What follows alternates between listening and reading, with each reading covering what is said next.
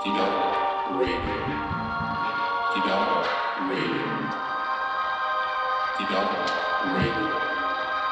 Develop Radio.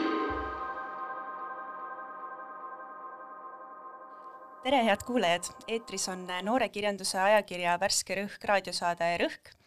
mina olen tänane saatejuht Mari-Liis Müürsepp ja minuga on stuudios Karin Orgulas ja Rahel Aariel Kaur tänaseks teemaks on meil novembrikuu värske rõhk, meid kõiki kolme siin stuudios täna seobki see, et meie kõigi looming on äh, uues värskes rõhus esindatud.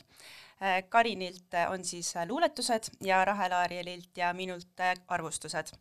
ja räägimegi siis sellest novembrikuu numbrist ja natukene ka niisama kirjandusjuttu Äh, aga kõigepealt äh, me võiks saada rohkem tuttavaks, et äkki kõigepealt äh, te räägite sellest, et millega te tegelete igapäevaselt ja kuidas kirjutamine võib-olla teie ellu mahutub?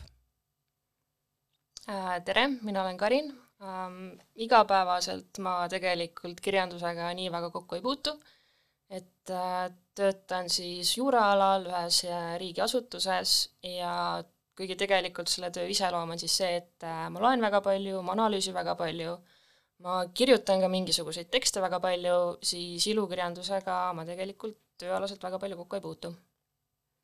jah, mina olen äh, Rahel ja, ja puutun kohutavalt palju kirjandusega kokku, nimelt äh, õpin kirjandust ja ja kahetsusväärsel kombel on selline huvitav paradoks minu arust kirjandusõpingutega, et tegelikult seda, mida sa tahad lugeda, ei saa lugeda, sellepärast et nii palju on seda materjali, millega võiks nagu tuttav olla ja, ja jah, ühesõnaga kirjandus on igapäevaselt väga palju mu elus, aga, aga üritan teda kooliväliselt ka sinna veel mahutada ütlesite mõlemad juba väga huvitavaid asju, näiteks Karinil see, et sa tegeled juuraga ja ma olen tähele pannud, et väga mitmed äh, minu kirjutavad äh, tuttavad tegelevad juuraga, nagu Teele Lember näiteks ja Silvia Urgas vist on ka äh, sellel alal tegutsev. ja Rahel Aarialil sa ütlesid, et sa oledki kirjandusteadlane siis tehniliselt kui ma võin sellise uhke nimetuse vastu võtta, jah. ja seda ma panin tähele, kui ma lugesin sinu arvustusi ka, seda, mis selles numbris nüüd oli ja siis mis oli ka äh, Hasso Krulli äh, avast kirjutatud, et sealt kumab läbi see kirjandusteadlase äh, taust nagu. suur ilus ambitsioon. jah, ma ise olen siis ähm, toimetaja, töötan reklaamiagentuuris, kus ma toimetan, kirjutan ja ka tõlgin reklaame, vabal ajal tegelen ajakirjandusega kus ma siis kirjutan peamiselt intervjuusid ja arvustusi ja siis ka luulet ja novelle. Äh, nüüd äh, võiksimegi võib-olla rääkida alustuseks natuke sellest rõhust, nii palju kui jõuame, ja siis teises pooles räägime võib-olla niisama sellist üldisemat juttu ka teie loomingust. aga siis hakkamegi peale, et mis teile silma jäi sellest uuest rõhust, kui jäi midagi võib-olla Äh, ma ei tooks mingi, midagi kindlat välja, aga mulle tundus, et siin on mingi huvitav äh, läbiv toidunarratiiv. et nii paljudes äh, tekstides oli kuidagi toit väga oma koha peal, et tekkis nagu selline tunne, et see ongi üks väike tervikteos. võib-olla, mis mulle nii-öelda silma jäid, olid tegelikult väga tugevad arvustused, et ma alustasin selle rõhu lugemist tegelikult äh, Lisanna Laiali Tõnis Vilu luule, luulekogu arvustuse kohta, äh, peamiselt seetõttu, et ma lugesin selle luulekogu ka ise siin paar nädalat tagasi läbi ja see kuidagi väga sügavalt, ma ei tea, resoneerus minuga. nii et äh, sellise värske pilguga sellise uue arvustuse lugemine andis sellise väga hea löögi sellele, sellele numbrile minu arust. See toidu teema on väga huvitav et, nagu tähelepanek, ma ise võib-olla ei oleks selle peale tulnudki, aga tegelikult äh, ühed minu lemmiktekstid, mis siin olid ka, olid äh, Muru Semperi luuletused ja nad päriselt ei haaku võib-olla nii väga selle toidu temaatikaga, aga äh, seal on ikkagi sellist kuidagi groteskset söögiteemat, et seal on nagu selline kehalisus, äh, kontide krõmbi, krõbistamine ja selline mm, võib-olla siis natuke võikam lähenemine söömisele. aga äh, sa mainisid ka seda mm, alust- äh,, et sa alustasid arvustustest, et kuidas te muidu üldse loete rõhku näiteks, et kas te loete kõigepealt näiteks tuttavate tekstid sealt läbi või te loete need, mis kõige rohkem huvi pakuvad või loete järjest ilusti algusest peale, kuidas teil on sellega? mina olen küll see, kes vaatab ohoh, keegi tuttav on kirjutanud Sama. ja siis ma loen selle kiiresti-kiiresti läbi ja ja siis hakkan enam-vähem niimoodi sealt algusest minema, et et eh, nüüd ei taha enam luulet, võib-olla loeks ühe arvestuse Mhm. vahele ja niimoodi see läheb siis minul on tihtipeale see, et ma esialgu lihtsalt sirvin ta väga kuidagi üldiselt läbi ja siis vaatan, et mis kõige rohkem silma jäi, mis kuidagi nii-öelda esialgselt kõige rohkem võib-olla haakus ja alustan sealt ja siis, siis liigun edasi. mm. -hmm. ma arvan, et jaa, mul on sama, et ma vaatan, kas on tuttavaid ja siis äh, mul kunagi oli see põhimõte, et äh, kui ma veel ei tellinud rõhku, siis äh, äh, mul oli see põhimõte, et ma ostan selle ainult siis, kui ma näen, et seal on mingid tuttavad, nagu see oli hästi alguses. ja siis äh, nüüd mul on, ma olen avastanud, et ma pean iga kord selle juba äh, ostma või kuidagi saama, sest mul on alati mingid äh, tuttavad siin kirjutavad et äh, ma ei tea, kas see on äh,, kas see tähendab, et äh, mul on lihtsalt rohkem kirjutavaid tuttavaid tekkinud või see, et kõik mu tuttavad on äkki kirjutama hakanud, et et iseenesest see on tore. Ja minu arvates siin uues Rõhus oli hästi huvitav uus või noh, pigem uus selline mm, kas rubriik, aga selline asi et siin olid Hildegard Hildegard Reimanni koomiksid, mis olid väga äh, huvitav selline vaheldus nagu nendele tekstidele. et äh, ma arvan, et need olid ühed minu lemmikleheküljed siit sellest äh, rõhust mm.. jah, kas teil on veel midagi, mis teile silma jäi konkreetselt? Äh, tegelikult äh, minu jaoks oli ka väga huvitav äh, üks selline tekst, mille ma nii-öelda hakkasin üsna suvaliselt lugema ja siis sain juba aru, et see tekst on nii-öelda läbi, oli siis tegelikult Ave Taavati intervjuu Riste Lehariga ja kuigi ma Riste seda esikteost ei ole lugenud, siis mul tekkis väga tungiv soov nüüd minna raamatupoodi ja see võimalikult kiiresti endale saada. see on väga lahe teos, mulle väga meeldib see. ja see intervjuu oli ka, ma arvan, üks minu lemmiktekste et äh, siin võib-olla jälle oli see tuttavate faktor mängus, aga minu arust need vastused olid nii armsad, et äh, kuidas Riista siin näiteks vastas küsimusele, et äh, et äh, kuidas ta esimesi raamatuid hakkas kirjutama, siis ta ki-, noh, vastas, et ta hakkas neid kirjutama juba lapsepõlves, kui ta elas Muhumaal, ja et ühe loo nimi oli Prügimäe kass ja lossikass, mis räägib erinevat sotsiaalset päritolu kasside vahelisest armastusest, minu arust see oli nii nunnu. ja siis äh, teine koht, mis mulle meeldis sealt, oli see äh, et mis raamatud talle meeldisid lapsepõlves, üks oli Klaabu nipi ja ahne kala, ma ei teadnudki sellist raamatut aga siis äh, ta kirjutas, et või ütles, et ahne kala muutis kogu aeg oma suurust, kui sa lehte keerasid ja ühel pildil oli ta teiste tegelastega võrreldes hästi suur ja siis jälle hästi väike ja hirmus, see oli nii, nii tore nagu. kas teie seda kohvikupäevikut ka lugesite näiteks? jaa äh,, jõudsin küll natuke lugeda ja mulle meeldis nii väga üks äh, see algus, et pidin söömises pausi tegema, sest ma hakkasin nutma. Ja seal kohal ma tundsin, et okei okay,, võib-olla inimese kogemused on väga sarnased. ma otseselt ei jõudnud neid äh, tekste tegelikult läbi lugeda, aga mulle tegelikult juba meeldis väga see, et siin on mingisugune väga tugev mingisuguste seotud või mingisuguste nii-öelda oluliste kohtadega tekkinud seos. et ma tihtipeale täheldan ka ise, et äh, kui mul on mingisuguses olulises kohas mingisugune mõte tekkinud, siis see tegelikult resoneerub nii-öelda selle konkreetse kohaga kõige rohkem. et mul jäi nagu see silma ja selle kohvikupäeviku üks suurim pluss minu arust olid need võrdlused, et see oli lihtsalt, need olid nagu nii leidlikud ja naljakad, ma lugesin, siis ma naersin lihtsalt, et äh, ma ei tea, võib-olla võiks siit ka midagi ette lugeda, et ähm, no siin ta kirjeldab ühte Berliini kohvikut ja siis tal on umbes selline lause, et või noh, täpselt selline lause, et äh, siseruumide kohta ei oska ma öelda muud, kui et paratamatult kipub seal peale tunne, nagu Taavi Eelma kutsuks mind kohe tangot tantsima mida see tähendab, nagu ma ei tea. et äh, väga huvitav. ja, ja, ja see ka, et äh, kreemimekk on mahedam versioon kunagi Eestis müügil olnud sidruni pumati kommidest, mille müügilt kadumine on kahekümnenda sajandi suurim geopoliitiline katastroof see on nagu nii dramaatiline ja väga julge väide. äge jah.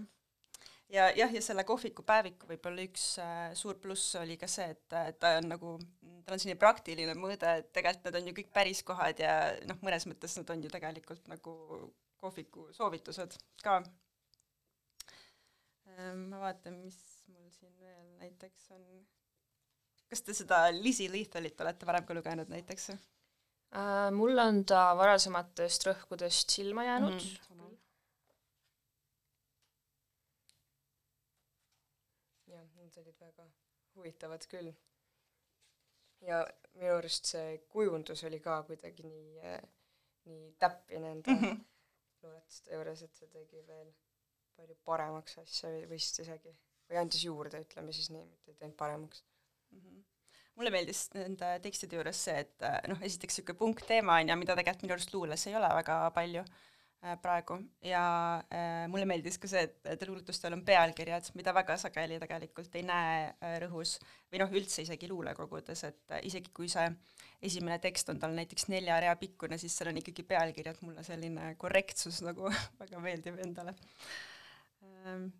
jaa, ma vaatan, kas veel midagi? veidral kombel, kusjuures jah, nüüd kui sa ütlesid, siis mm -hmm. võib-olla väga naljakas, aga jah, konkreetselt see tegelikult täiesti normaalne asi, et ühel tekstil võiks ju pealkiri olla, nagu meil koolis õpetatakse, on saanud nagu eristavaks punktiks, mis äh, mulle tu-, tundub, et äh, tihtipeale pealkiri võib-olla mängib isegi ka olulisemat rolli, et ma tihtipeale näiteks enda puhul kirjutades ma ma vaatan ka, et sul ei ole siin pealkirja. mul tihtipeale ei ole pealkirja, aga osadel on ja tihtipeale selles pealkirjas võib-olla sisaldubki see põhiline nii-öelda mõte või see asi, mida ma proovin nagu edasi anda aga võikski võib-olla siit äh, minna teie tekstide juurde natuke, et äh, Karin, su tekstid on kuidagi sellised tunduvad hästi nagu automaatse kirjutamise stiiliga, et me oleme hästi palju seda harjutust teinud ju ka igal pool loovkirjutamiskursustel ja niimoodi, et, et kuidas, kuidas selline nagu tekst sünnib sul, et kas sul tuleb see üks hetk ja sa kirjutad selle ühe hetkega või see on ikkagi mingitest väiksematest fragmentidest pandud kokku? ma ütleks, et ta ikkagi sünnib mingisugustest väga konkreetsetest lausejuppidest, üksikutest sõnadest, kuskil kuuldud mingisugusest viisijupist, nähtud unenäost ja nii edasi. Ja sealt hakkab see mingisugune põhiline mõte või mingisugune selline kandev teema kuidagi edasi hargnema. Mm -hmm. ja ma ütleks, et nagu sellise teksti kirjapanemine tuleb ikkagi nii-öelda ühest jorust ja hiljem nagu selline toimetamine mu enda poolt, et ma nii-öelda selle puhul seda teksti enam väga palju ei muuda ma kohe jõuan sinu juurde ka, Rahel Aarjal, aga ma, kui ma juba sinu loomingust räägin, siis äh, sa ütlesid väga, te mõlemad äh, ütlesite oma enesetutvustuses väga huvitava lause äh,, mis mulle jäi nagu teie mõlema sellest tutvustusest kõlama. ja Karin, sinul on selline lause, et, et sa soovitad inimestel vaadata, mis kivide all on. mida sa sealt leidnud oled? ma olen leidnud väga suuri mõtteid kivide alt, et äh, tegelikult lihtsalt selline mingi argielu, täiesti mingid mõttetud Äh, tegevused, kogemused, minu arust nende puhul on tihtipeale see, et sellistel hetkedel tulebki see mingisugune väga suur ja tähtis mõte sulle külla, mille sa siis mingil hetkel pead kuidagi, kuidagi sõnadesse võib-olla suruma. aga see ei ole konkreetselt kividega seotud kuidagi või? ei, üsna metafooriline okei okay. ja äh, Rahel Aarjal, sina, kui palju sa üldse oled arvustusi kirjutanud, ma tean neid kahte, aga kas sul on veel midagi? jah, praegu, praegu on üks pooleli mm, -hmm. kui ma hakkasin väga suure hurraaga pihta, aga, aga kuidagi mõte katkes ära ja nüüd ma üritan teda tagasi, tagasi otsida, et tegelikult äh, arvustuse olen teinud nagu natukene väiksemas plaanis, niimoodi, et ma ei tea, kas otseselt saabki arvustuseks nimetada, aga enda peas ja siis üks hetk mul nagu tekkiski mõte, et et kui ma seda niikuinii teen, miks ma seda kirja ei pane, et mhm. kui inimesed, inimestele meeldib ja inimesed võib-olla tahaks ka seda lugeda, et siis, siis on ju ainult aus, et ma panen need ka kirja, mitte lihtsalt ei tee seda analüüsi enda peas aga sulle ka võib-olla selline inspiratsiooniga seonduv küsimus, et kuidas sa äh, jõuad selle otsuseni, et sa tahad sellest raamatust just kirjutada, sest kui ma lugesin seda Hasso Krulli arvustust, siis ma mõtlesin, et sa oled ise nii noor, et kuidas sa julged nagu sellise korüfee ette võtta nagu Hasso Krull, et noh, ei saagi ju midagi halvasti kirjutada tegelikult väga. jah, ega noh, mul ei olnud äh, plaanis ka midagi halvasti kirjutada ja mm -hmm. seda ma ka ei teinud, aga ma olen ise ka nüüd äh, tagasi vaadanud ja mõtelnud, et et see natukene selline hulljulge lüke võib-olla, aga tegelikult see tuligi niimoodi, et meil on selline tore aine nagu luuleteksti analüüs, mille lõputööna siis peab kirjutama ühest luulekohust arvustuse. ja kuna see oli just hiljuti välja tulnud ja see intrigeeris mind, ma mõtlesin, et noh, alguses esimene mõte oli see, et noh, tunnis ikka võib, loengus ikka võib kirjutada ja siis lugesin seda, mõtlesin, et päris palju vaeva sellega, et ma mõtestasin ja mõtlesin ja siis küsisin minu õppejõud Mart Velskrilt, et aga, aga äkki kõlbab saata ka mm. -hmm. ja, ja ta arvas, et kõlbab ja, ja siis ma saatsin. ja noh, ma ei tea, kuidas see ambitsioonikas ettevõtmine mul välja kukkus, aga aga mingid olulised punktid vist, vist sain kirja. aga äh, võib-olla ka selline julgusega seotud küsimus sulle, Karin, et sa kirjutad ka blogi vist, eks ole? et äh, kuidas sa seda julged teha, see on täiesti avalik, seda saavad kõik lugeda, et äh, kas hirmu pole? Äh,? otseselt ei ole, sellepärast et mul on alati tundunud, et ma siiski kirjutan üsna nagu rangelt ainult endale, et äh, lihtsalt mingi hetk äh, mingisugused sõbrad otsustasid, et võib-olla nemad tahavad ka lugeda ja selle tõttu läks ta ka avalikuks, aga mulle ikkagi tundub, et see kirjutamise protsess, vähemalt minu jaoks, on selline väga kuidagi intiimne ja isiklik, aga ma ei tea, tore, kui see tegelikult nii-öelda võib-olla teistega ka kuidagi resoneerub. kas sa oled saanud tagasisidet ka näiteks mingile blogitekstile või üldse äh,? Jaa, olen küll, aga ma arvan, et mu kõige lemmikum tagasiside oli võib-olla see, et äh, üks mu sõber ütles, et talle need tekstid väga meeldisid, aga ta ei saanud mitte midagi aru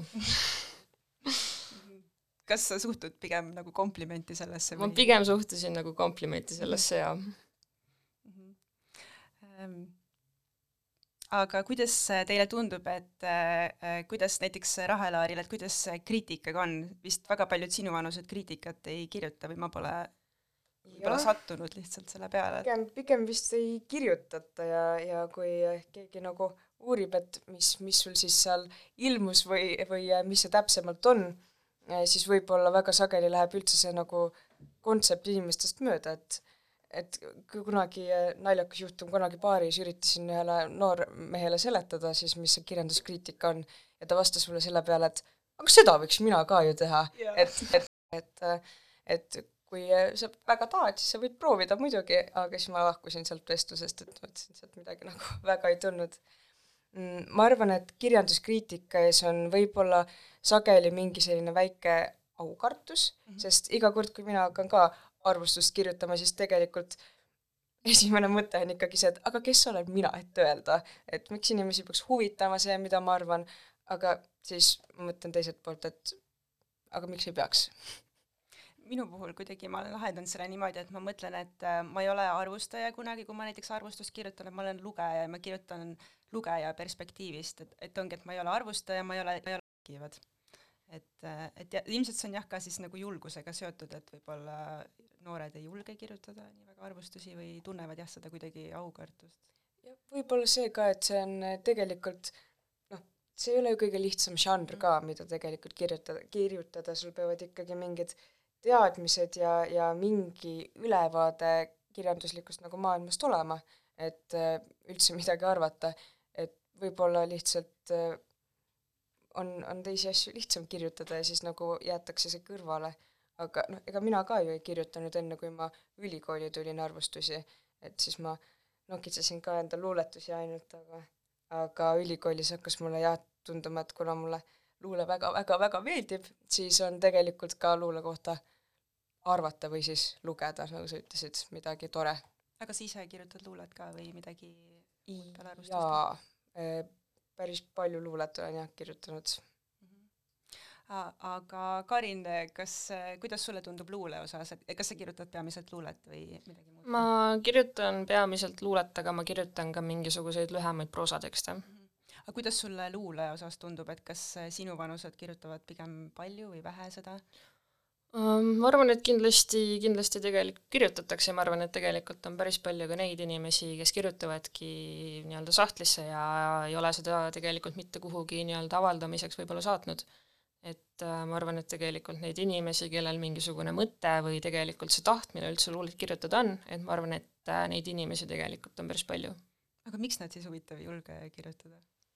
ma arvan, et see, võib-olla see nii-öelda avaldamise plokk on võib-olla peal -hmm. et tegelikult äh, siin novembri rõhus oli nii-öelda minu debüüt, aga kirjutanud ma olen, ma ütlen, mingisugune viimased kümme aastat äkki, et äh, tegelikult see nii-öelda lükke seda tegelikult saata kuhugi, lasta see avaldada, et see on, vähemalt mulle tundus, et see oli ikkagi päris selline suur ja oluline samm ja ma arvan, et see on väga hea, et sa ootasid, sellepärast et äh, palju ju tegelikult näeme ka seda, võib-olla just nooremate autorite puhul, et hästi kiiresti kuidagi tahad äh, avaldada ja siis noh, võib-olla see ei ole isegi valmis veel päris, et Rahelaaril, sul oli väga huvitav lause jälle seal enesetutvustuses, et sa kirjutasid, kuidas see oli, et et sul on pesukarud ja instaluule on meeldivuse eri spektri, spektrites, mis, räägi lähemalt, mis sa mõtled sellega? Siis ma mõtlesin, et kas ma hakkan mainima, kumb on kummas, aga siis ma mõtlesin, et eks inimesed ilmselt saavad aru, pesukarud on siiski väga armsad. -hmm. ja, ja, ja jah, põhimõtteliselt mul on selline tekkinud selline süstemaatiline viha, kui võib nii öelda, Instagrami luule vastu. sa ei ole ainus, ma võin sulle öelda jah, ja meil on olnud päris tulised äh, vaidlused ka loenguruumides, et vähemalt inimesed loevad luulet mm. -hmm. see ei ole luule ja, ja noh, mul on, mul on jah, selline, minu ikkagi luule ideaal on Heidi Talvik ja Betty Alver ja need ilusad äh, silbilis-rõhulised, kaunid, esteetilised värsid. Ja, ja siis, kui ma loen seda Instagrami luulet, siis mul lähevad lihtsalt nagu hari läheb punaseks ja inimesed panevad seda kuskile, jagavad edasi enda story desse ja aga ma võiksingi sellest rääkima jääda aga, aga kuidas teile tundub, et kas siis see argument ei päde su jaoks näiteks, et, et vähemalt inimesed loevad luulet või et näiteks selline luule, nagu teevad, ütleme, mm, Lauri Räpp või, või noh, sellised insta luuletajad, ma näen su nägu et kas, kas see siis ei too kuidagi luulet inimestele lähemale, et äkki see on esimene samm siis, kustkaudu inimesed jõuavad äh, sügavama ma olen nüüd väga radikaalne, sest ma ütlen, et see viib inimesi luulest kaugemale mm. -hmm. Sellepärast, et need inimesed, kes loevad neid väikseid käkerdusi, need ju, issand, ma ütlen nii halvasti äh, kes loevad neid äh, luuletusi, siis noh, nad ei tahagi rohkem avastada, sellepärast et nad peavad juba ennast luulehuviliseks, neil ei teki sellist küsimust, et äkki ma lähen poodi ja võtan näiteks selle Betty Alveri paksu koguja kätte, et hakata teda lugema. ei, nad jäävadki sinna Instagrami vaatama neid äh, viie sekundi serotoniinipauke ja mm, -hmm. ja mhm. see ei jõua mitte kuhugi.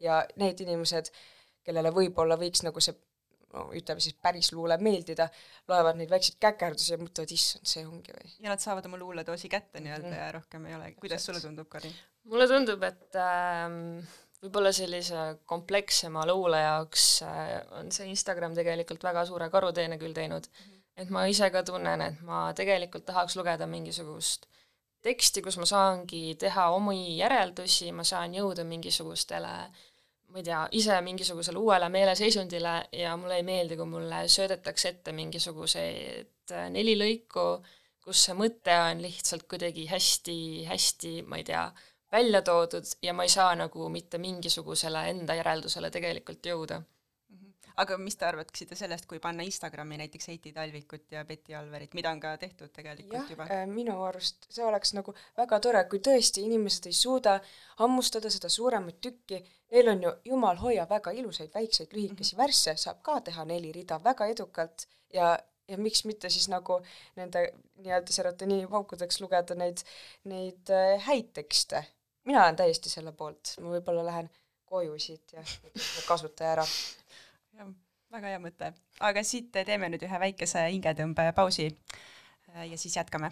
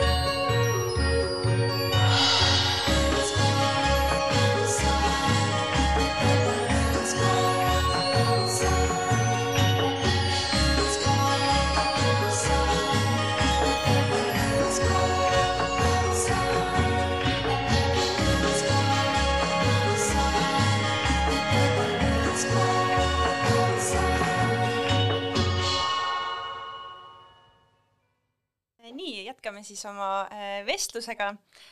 stuudios on Rahel Aariel Kaur, Karin Orgulas ja mina, Mari-Liis Müürsepp. ja nüüd siis teises osas võiksimegi rääkida üldisemalt äh, sellest, kuidas me kirjutame äh, ja jah, sellistest äh, võib-olla laiematest teemadest natuke mm,. mul tuli selline küsimus, mind alati huvitab, et kuidas teised autorid äh, kirjutavad, et äh, kas teil on kirjutamisega seoses mingeid eripärasid näiteks, et äh, mis teid võib-olla aitab, mis teid segab, kuidas üldse toimib? mul on kuidagi väga pöördvõrdeline see asi, et äh, mul peab, miski peab mind segama, et ma saaksin selle välja lülitada. näiteks ma istun täielikus haudvaikuses, ilus vihm tibutab vastu plekkkatust, ei, ma ei suuda lihtsalt kirjutada, ma pean minema alla, kus väike vend jookseb mööda tuba ringi, telekas käib, keegi teeb süüa, kass on kuskil kinni, et ma saaks selle välja lülitada ja mm. siis kirjutada. see on väga huvitav, ma ei olegi kuulnud sellist asja varem. Ma arvan, et minu puhul on nii-öelda kõige olulisemaks see, et äh, ma ei saa mitte kuidagi, kuidagi käsu peale tegelikult kirjutada, et mul ei ole, ma ei suuda nagu niimoodi, et ma tulen töölt koju ja ma mõtlen, et jaa, nüüd ma istun maha ja nüüd ma kirjutan.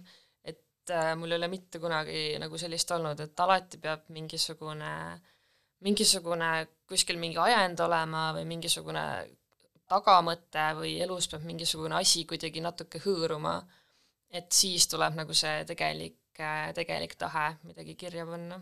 aga käsu peale kirjutamine näiteks äh, ju tähendaks ka tööl kirjutamist, kas sa ei kujutaks ette näiteks, et sa teed mingit kirjutamisalast tööd või? no tegelikult selline tööalase teksti kirjutamine ja mingisuguse ilukirjanduse moodustise tegemine, need on nagu tegelikult kaks täiesti erinevat maailma, et mingis mõttes on seal ikkagi need ühendavad lülid olemas, et sul on mingisugune ma ei tea, eesmärk, mida sa tahad endast välja saada, aga ütleme, et tööalaselt see on ikkagi selline mm, võib-olla natukene rohkem eesmärgistatud tekst ja kui sa lähed nii-öelda koju või hakkad kuskil mingisugust enda elukirjanduslikku asja, asja vorpima, siis seal on nagu selline ma ei teagi, reegliteta maailm võib-olla natuke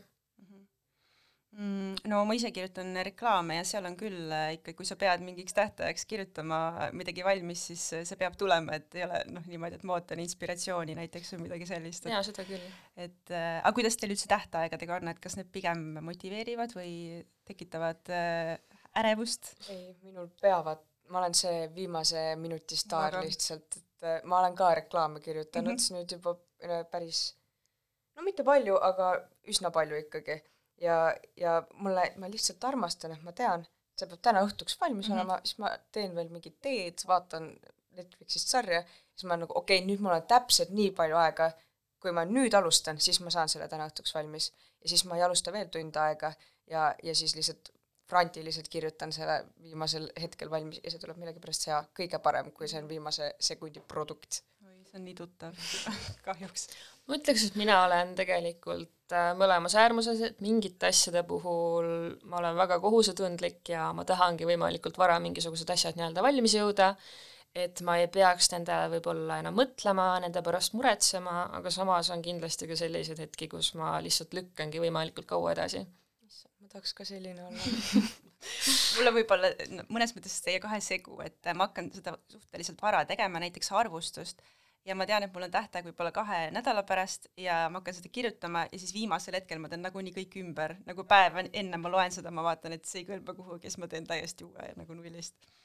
et eh, see on halb Eh, aga mm, kuidas te üldse kirjutamiseni jõudsite või kuidas te kirjutamise avastasite enda jaoks? kas teil oli näiteks mingi konkreetne sündmus, mis käivitas selle või Äh, minu puhul oli kindlasti see, et mul on juba peres on väga palju loetud alati, ma kasvasin hästi paljude raamatute keskel üles, ma käisin, tundsin mingisuguseid raamatukogu tädisid mitmetes linnades, käisin alati raamatukogus peale kooli, et mul oli nagu selline lugemise harjumus juba väga varajasest äh, east saati nagu olemas. Ja mingil hetkel lihtsalt, ma arvan, et see võis olla mingisugune põhikooli keskel, põhikooli lõpp, umbes niimoodi, ma lihtsalt ise tundsin ka, et ma võib-olla võiks juba nii-öelda päriselt proovida. aga sa alustasid siis luulega ikkagi või millegi? jaa, jaa, luulega. no kuidas sul? Äh, jaa, ma läksin nii, nii sügavale mõttesse. aga jah, mul on enam-vähem samamoodi, et siis terve elu lugesin konkreetselt, tahtsin jõuludeks mingeid raamatuid, siis ma võtsin need raamatud tipa-tapa, läksin enda tuppa, lugesin läbi ja jõudsin veel sö- jõuluõhtusöögile tagasi. Ja, ja lugemine jah, suuresti on ikkagi perekonnateene, aga tegelikult mul on mega nunnu lugu ka mina siis tehniliselt äh, võiks korrektselt öelda, et esimest korda, kui ma mõtlesin, et jah, ma peaks ähm, päriselt kirjutama, oli siis, kui minu praegune elukaaslane, kes ei olnud siis minu elukaaslane, saatsin talle mingi sellise noh, sellise ikka mingi neljateistaastase pika sellise kurva teksti, mis sa öösel kell kaks kirjutad, on ju. saatsin talle selle ja siis ta ütles, et sa kirjutad mega hästi, kas sa oled mõelnud selle peale, et sa peaks kirjutama hakkama? Ja siis ma kirjutasin oma esimese luuletuse. Aa, see on tõesti nunnu. jaa, see on mega nunnu, mulle täiega meeldib seda lugu kõigile rääkida. aga jah, ja siis äh, sealt läks edasi, ma hakkasin kirjutama ja ja ma käisin hästi palju etlemas. Igal pool, sest noh, luulehuvi oli enne kirjutamishuvi juba.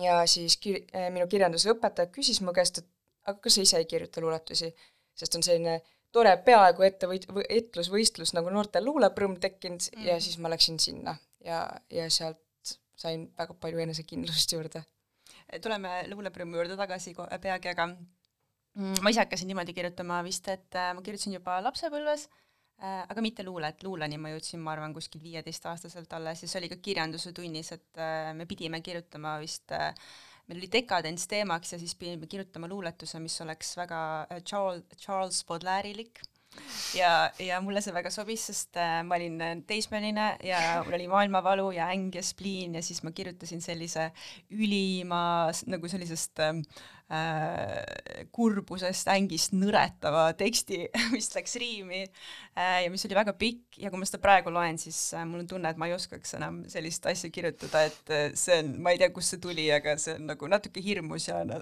natuke mulle meeldib see. tegelikult see on suht huvitav fenomen, et nagu kui ma vaatan tagasi nii-öelda nendele tekstidele, mida ma olen kirjutanud umbes mingi kümme aastat tagasi, ma ei tea, viis aastat tagasi, siis tegelikult ma juba näen, et seal on mingisugune väga suur nihe toimunud tegelikult.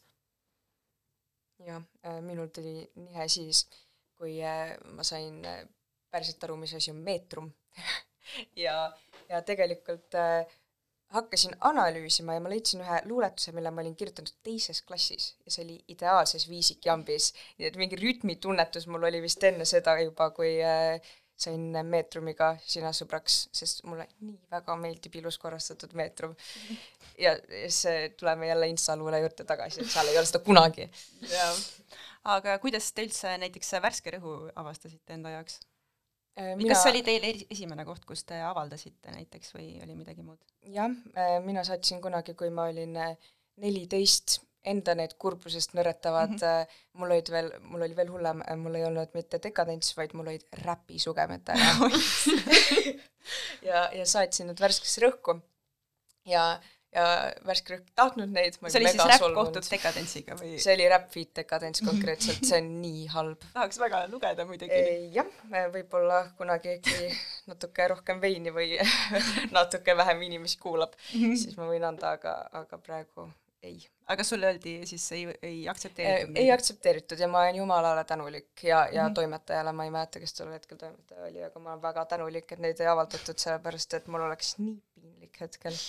ma arvan, et seda ma ei äh, oleks siin kirjandusmaastikul nagu kunagi üle elanud mm. -hmm. minul oli küll tegelikult, ma saatsingi sel suvel, saatsin siis esimest korda Rõhku ja sain koheselt ka väga positiivse tagasiside sealt ja minu arust oli see positiivne tagasiside tegelikult äh, selline väga kuidagi inspireeriv või see kuidagi aitas tegelikult väga palju nii-öelda debuteerivat autorit, et äh, et see arusaamine, et, et äh, okei okay,, et võib-olla nendel tekstidel ikkagi on mingi potentsiaal nagu olemas.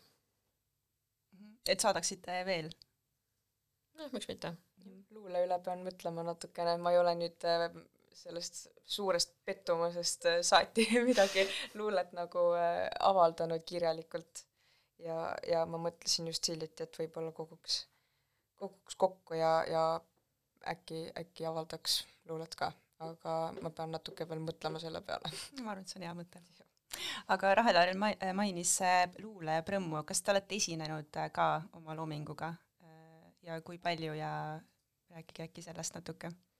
Äh, mina olen oma loominguga siis esinenud ainult nii palju, et ma olen seoses oma erialase tööga käinud kohtus, kus ma olen pidanud lugema ette mingisuguseid juriidilisi tekste, aga see on tegelikult nagu ila, ilukirjandusliku äh, nii-öelda sellise maailmaga hoopis nagu teises äh, kuskil dimensioonis. et äh, tegelikult neid ei anna nagu üldse võrrelda, aga ilukirjanduslikke tekste ma esitanud ei ole aga mulle tundub ka, et see on kuidagi, kuidagi hoopis teistsugune võrreldes nagu sellega, kui sa paned need asjad kirja ja sa võib-olla nii-öelda lihtsalt loed neid nii-öelda oma peas endale ette. et võib-olla kuidagi esitades nad hakkavad hoopis mingit oma elu võib-olla elama mm. -hmm. et pigem sa arvad, et need on erinevad ikkagi, et kui, kas sa kirjutad siis publikule nii-öelda või, või lugemiseks? jaa, jaa mm. -hmm. kindlasti on erinevad minu arust ka, sest äh, see performatiivsuse aspekt lihtsalt hakkab äh, nii palju rolli mängima, sellepärast et tekst, mis võib-olla paberil ei tööta, kui on õige inimene ja on äh, õige esitus, siis see võib nagu hoopis teise nagu kuue saada ja ma mainisin luuleprõmmi mm, -hmm. et sinna, kuhu mu äh, eesti keele ja kirjanduse õpetaja Külli Pihl, ma olen siiani väga tänulik talle, mind kupatas, oli noorte luuleprõmm ja ja siis ma võitsin selle ja see noh, ilmselgelt noore tüdruku jaoks, kes kirjutab enda kurbasid luuletusi, on see ju mega suur nagu motivatsiooniallikas. siis ma käisin seal lõpuni välja, eh, vana, vanemas vanusegrupis sain vist järgmisel aastal teise koha, siis ma ei olnud enam noor, noor, ma läksin Tarslamile. mis see noore piir on, sa kaheksateist või, või...? kaksteist klassi ära lõpetad, siis okay. ei võeta enam. jumala. ma olen väga hiljaks jäänud jah, siis läksin Tarslamile ja, ja see oli see Tarslam, mis nüüd ju venis terve hunniku mm, -hmm. sest koroona äh, oli, tuli vahele, aga jah, seal äh, sain finaali, aga aga mitte kaugemale, sest vahepealse selle veninud ajaga ma sain aru, et et võib-olla slam-luule ei ole väga minu teema ka. aga miks sellepärast, et just see performatiivsuse aspekt, et ikkagi kui ma hakkasin slammiks kirjutama, ma kirjutasin nagu eraldi tekstid, siis ma äh, kirjutasin äh, publikule, ma kirjutasingi niimoodi, et natuke saaks naerda, natuke saaks nutta, natukene saaks kaasa elada, mitte seda, et ma võtangi nüüd enda ilusa meetrumi ja, ja klassikalised kujundid ja, ja põhimõtteliselt Alveri patiš on see, mida ma pide-, pidevalt teen, et võib-olla see sinna slam'i lavale nii palju ei sobi lihtsalt. okei okay. äh,, aga me rääkisime ka natuke nüüd äh, nendest äh, rõhutekstidest ja oma lemmiktekstidest, et, et äkki me võiks arutada natuke seda, et äh, mis teeb üldse teksti heaks, ükskõik, kas on siis lava jaoks või võtame siis pigem kirjalikud tekstid, et kui te loete näiteks mingit teksti, et mis, mis omadused seal peavad olema, et teile meeldiks see või mille järgi te näiteks valisite neid selle numbri lemmiktekste? mul on tihtipeale see, et äh, minu jaoks on oluline, et mulle, et minuga haakuks mingisugune mõte, mis seal tegelikult on et ma tihti loen raamatuid ja näiteks ka vaatan filme niimoodi, et mulle ei jää süžeest mitte midagi meelde, aga mulle jäävad mingisugused konkreetsed kujundid, mingisugused kasutatud vormid jäävad meelde ja need kuidagi lihtsalt jäävad nagu kogu ülejäänud mingisuguse elu nagu helisema koos minuga. Jah, ma olen sellega täiesti nõus, see laul, mille ma täna vali valisin ka tegelikult äh, miks see mulle nii väga meeldib ja miks ma arvasin, et see oleks sobilik, on see, et mul on jäänud sealt äh, ühest FS-i luuletusest see, kuidas ta istub äh, köögilaua taga ja kuulab Joy Divisionit ja millegipärast mul tekkis nii elav kujutuspilt lihtsalt pähe, kui ma seda lugesin. et ma ei ole seda luuletust nüüd mingi soliidselt, ma arvan, neli aastat lugenud ja mul on see pilt ikka peas.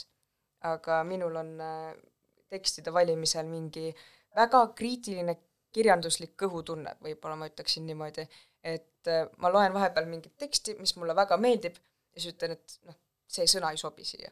et ma ei, ma ei saa, saa aru, kuidas mul nagu see peas toimib, aga, aga miski, ma ei tea, alateaduslik lihtsalt valib, äh, teadvuslik valib mul välja selle, mis mulle meeldib.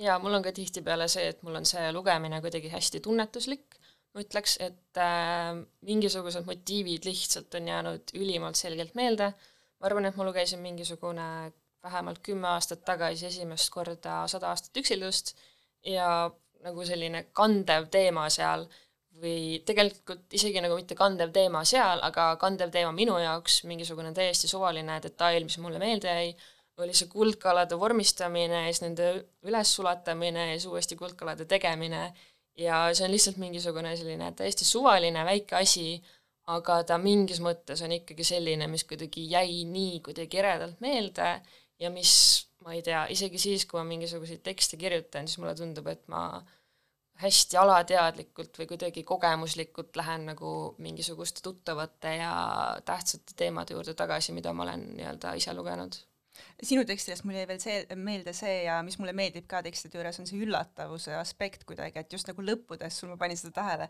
et, et kui et nagu tekst ei ole või noh, seal ei ole nagu klišeesid kuidagi, et sa loed ja sa näiteks ei tea, millega see lõpeb või seal on sellised ootamatud kohad.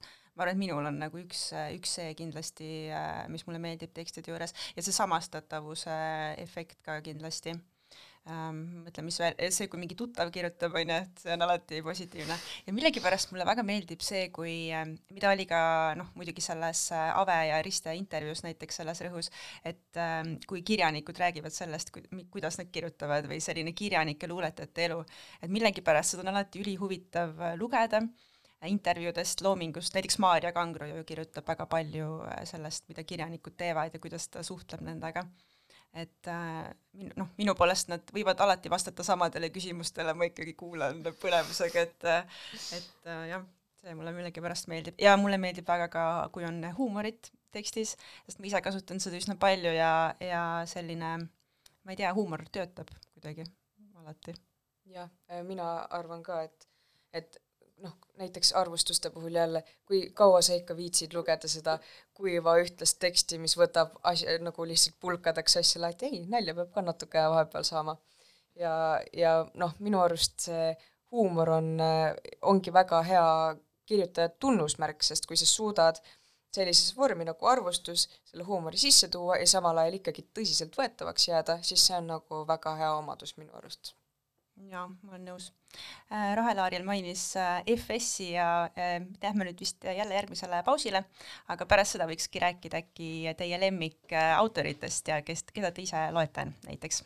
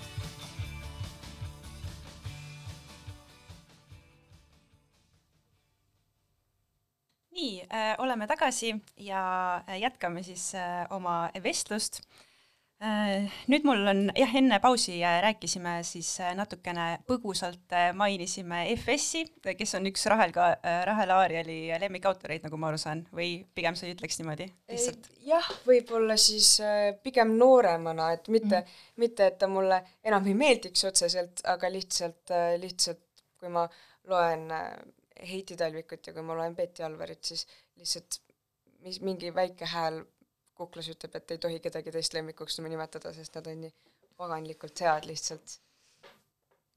aga kas sa proosast oskaksid ka nimetada kedagi?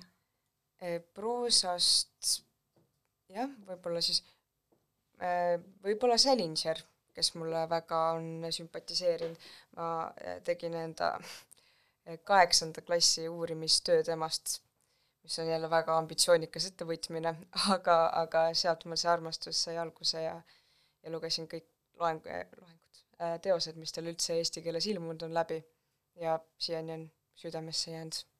ma ei ole väga kursis ta loominguga, kogu loominguga, aga kas sa ütleksid, et midagi on parem ka kui Kuristik rukkis näiteks või Jaa, oli sul mingi muu äh, lemmik ütleks, et äh, kõik on parem kui Kuristik rukkis sest see on lihtsalt noh, üks kontekstist välja rebitud, et et hästi paljud inimesed ju tegelikult arvavad, et et Kuristik Rukkis ka paigutab sinna klasside sarja, kes on tal nagu läbivad tegelased mm, -hmm. mina jõudsin ka sellele arvamusele enda kaheksanda klassi uurimistöös.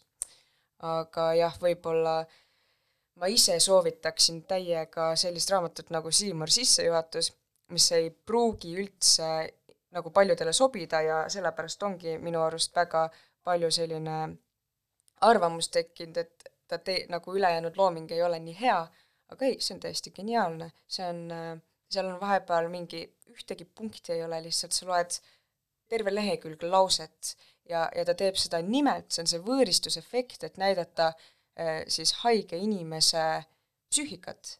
ja, ja see on nii geniaalne ja kui sa loed, närid ennast läbi sellest kõigist neist takistustest, mis ta sulle teele ette viskab, see on täiesti, täiesti imeline Karin, mis sul, kes su lemmikautor on? kusjuures mul hakkas selle Raheli jutuga nüüd resoneerima see, et äh, ma lugesin mingi vähem kui aasta tagasi läbi Hälina ja, Hälina ja Raevu äh,, Faulkneri oma, ja minu arust seal on täpselt seesama, et äh, kuna see raamat on nii-öelda üles ehitatud siis erinevate karakterite perspektiividele, kes on siis väga erineva taustaga, siis mul oli ka nagu tihtipeale selline mut-, nagu tunne jäi, et sa peadki sellest lihtsalt nagu läbi närima, aga ta oli kuidagi äh, ta jättis mingisuguse täiesti kustumatu mulje mulle tegelikult, et ta kuidagi näitas seda mingit inimelu habrasust ja inimloomust kuidagi väga-väga vahedalt. kas teil on ka näiteks mingeid nooremaid kirjanikke või autoreid, keda te jälgite näiteks Värskes Rõhus või kuskil mujal, elate kaasa? no eks nagu kõike jälgin, mis ilmub selles suhtes ja ma üritan nagu võib-olla enda peas tekitada mingit äh, mingit äh, arusaama inimestest, mis tundub hästi raske ülesanne, suht võimatu ülesanne, et sa loed ühte teksti, aga, aga jah, mulle meeldib äh, proovida ja, ja vahepeal, kui äh, tuleb näiteks samalt autorilt järgmine tekst ja tundub, et läks täppi, siis mul on väga hea meel. niimoodi võib-olla nimesid ei hakkaks välja tooma mm, -hmm. aga minul on näiteks äh, Moodlumiga see, et ma nüüd hiljuti just lugesin läbi ta viimase Mitte minu, mitte ainult minu tädi Ellen, mis mulle jättis ka mingisuguse täiesti kustumatu mulje, kuigi ma olin ka varasemalt ta tekste lugenud, aga nüüd just selle, selle teosega tekkis küll nagu see, et ma kindlasti tahan nii-öelda tal silma peal hoida ja mingisuguseid tulevasi asju nagu väga lugeda mm.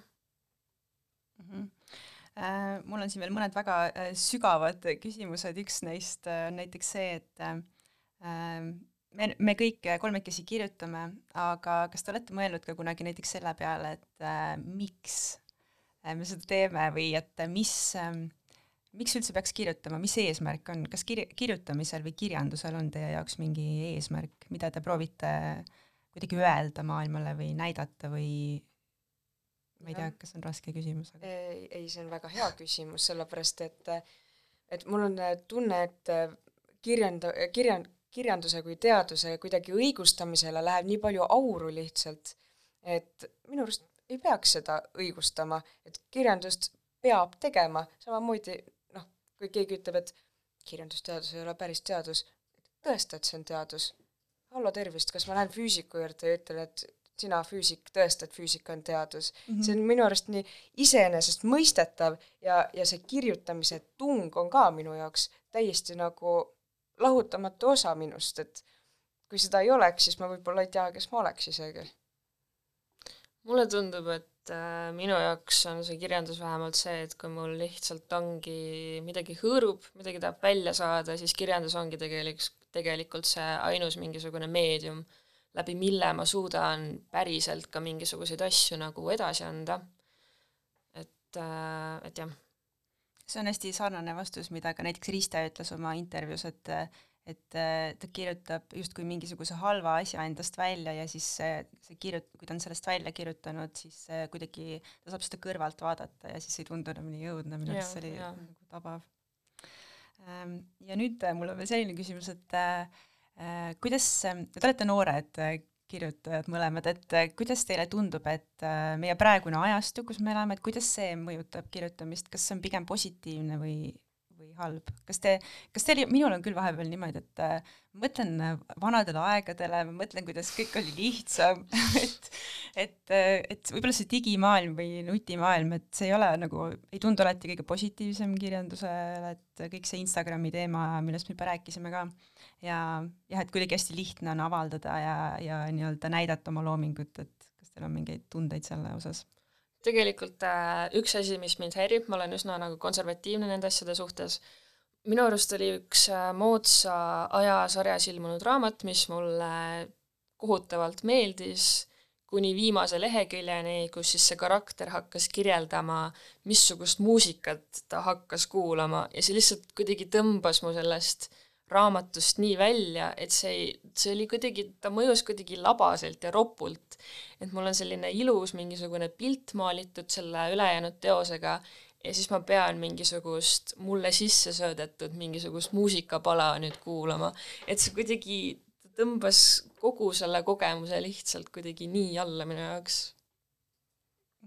mina olen ka seda meelt, et äh, pigem, pigem negatiivset, sest noh, kui me hakkame aegade algusest äh, vaatame, siis kunagi olid ju luuletajad suured ja uhked Jumala poolt saadetud äh, käskjalad, on ju, kes tõid seda jumalikku ilu äh, inimesteni.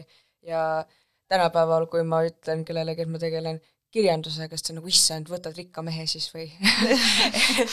Et jah, et see, esiteks on see romantiseeritud luuletaja positsioon, mis mulle tegelikult üsna meeldib, on võib-olla see nagu natukene kõikuma hakanud ja, ja jah, see muidugi avaldamise lihtsus on lihtsalt kõik filtri ära võtnud, seda tuleb nii palju peale, sa ei pane seda isegi raamatu vahele, aga Instagramis sa saad ju ühe klõpsuga mm -hmm. selle üles panna.